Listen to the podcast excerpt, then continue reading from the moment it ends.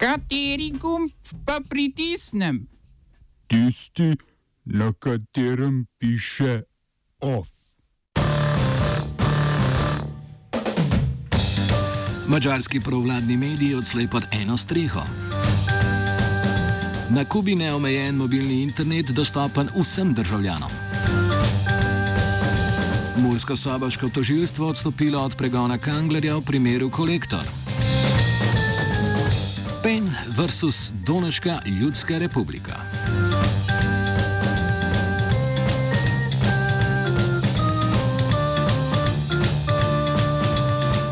Spodnji dom avstralskega parlamenta je sprejel osnutek zakonodaje, ki bi policiji omogočila pridobiti dostop do kriptiranih podatkov velikih tehnoloških podjetij.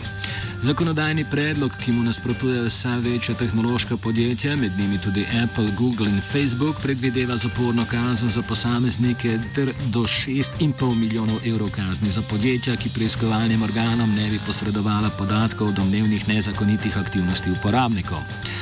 Osnutek zakonodaje mora potrditi še zgornji dom parlamenta, kjer mu ostro nasprotujejo senatorji avstralske delovske stranke, največje opozicijske stranke. Zakon bi ob sprejetju postal prvi tak primer v svetu, kritiki pa opozarjajo, da bi škodoval nadaljni izmenjavi podatkov s podjetji v Združenih državah Amerike in onemogočal zasebnost uporabnikov storitev ter podjetij.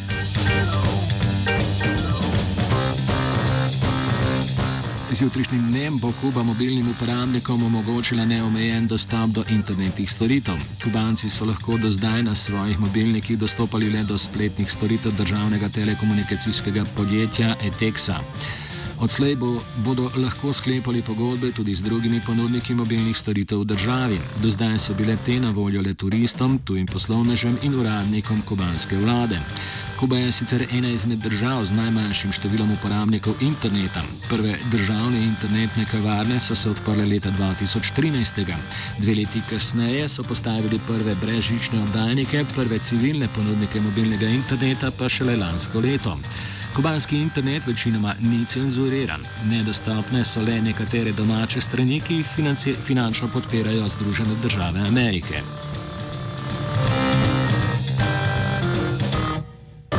Mačarski premijer Viktor Orban je podpisal odlog o združitvi približno 500 provladnih medijev v državni holding, ki bo koordiniral delo časnikov, revij, spletnih portalov ter radijskih in televizijskih postaj.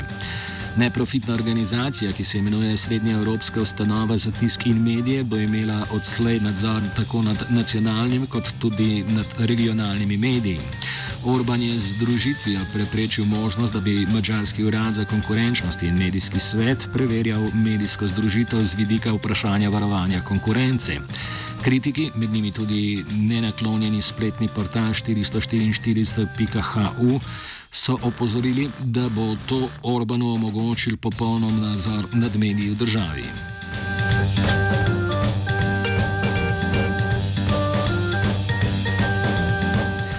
Latviji se obeta koalicija petih strank, potem ko Janisu Bordansu, predsedniku nove konzervativne stranke, ni uspelo sestaviti vlade, je predsednik mandat namenil Aldisu Gombezu, predsedniku evroskeptične stranke KPV.lv. Gomzes eh, bo jutri v latvijskem parlamentu Sajma v glasovanje predstavil predlog koalicije, ki bi jo sestavljalo pet strank desnega centra. Poleg drugo in tretje uvrščene še protikorupcijsko novo zavezništvo ter frakcijo dosedanje vladajoče desno-sredinske unije zelenih in kmetov. S prvo uvrščeno harmonijo, ki je sicer najbolj priljubljena med rusko manjšino v državi, si nobena od naštetih strank ne želi v vladi.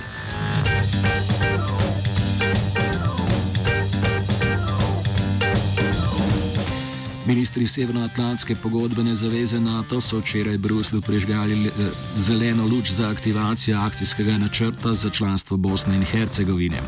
Akcijski načrt za članstvo predvideva svetovanje, pomoč in praktično podporo prilagojeno individualnim potrebam držav, ki se želijo priključiti zvezi. Bosna in Hercegovina pa mora zdaj pripraviti nacionalni letni program. Predsednik bosansko-hercegovske HDZ Dragan Čovič se je zahvalil, že zahvalil NATO zaveznikom, srpski predstavnik v tročlanskem predsedstvu Milorad Dodik pa napovedal, da bo z vsemi svojimi močmi blokiral poskuse pridružitve NATO.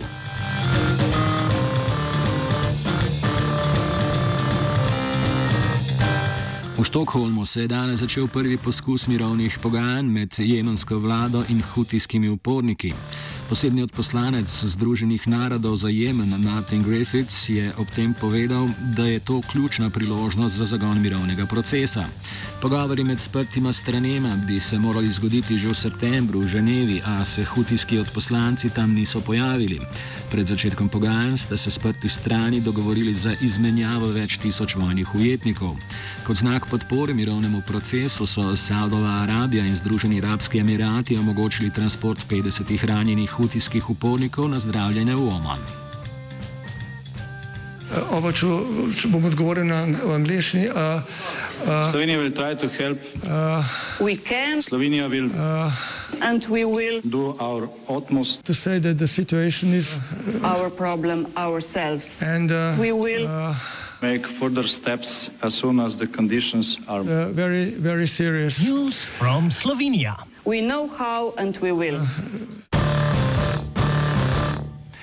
Medtem ko leta 2012 na ostajah odnesenemu nekdanjemu mariborskemu županu zaenkrat politični povratek ne uspeva, pa več uspeha žanja v sodnih dvoranah. Mursko-soboško tožilstvo je včeraj odstopilo od pregona Kanglerja in so obtoženih Milice Simonič Steiner ki je v Kanglerjevem času direktorata mestni upravi in tedanjega vodja urada za komunalo Vilija Eisenhauta, tudi eh, v primeru kolektor. V njem je tožilstvo trojici očitalo, da je zlorabila položaj ob gradni nove Mariborske tržnice, družbi konstruktor VGR pa preplačala komunalne storitve.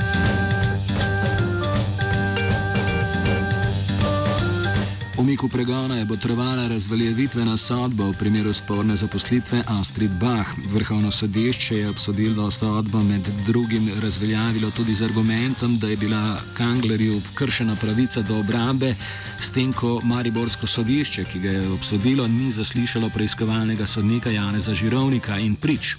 Žirovniku Kangler že ves, eh, vse od začetka sodnih procesov očita, da je zoper njega in osumljene odrejal prikrite preiskovalne ukrepe iz maščevalnosti in znotraj, in zatorej ni bil nepristranski. Spor med njima naj bi po zatrjevanji bivšega župana izviral iz časov, ko je bil žirovnik uslužbenec Sove, Kangler pa ga je kot predsednik parlamentarnega odbora za nadzor nad preiskovalnimi službami nadzoroval. Upoštevajoč sodbo vrhovnega sodišča je v primeru kolektor Mursko-Soboško sodišče zaslišalo žirovnika in predlagalo priče, na koncu pa potrdilo Kanglerju in podvomilo o nepristranskosti preiskovalnega sodnika. Posledično je iz spisa izločilo vse dokaze pridobljeni na podlagi žirovnikove odredbe, tožilstvo pa je na podlagi tega odstopilo od pregona.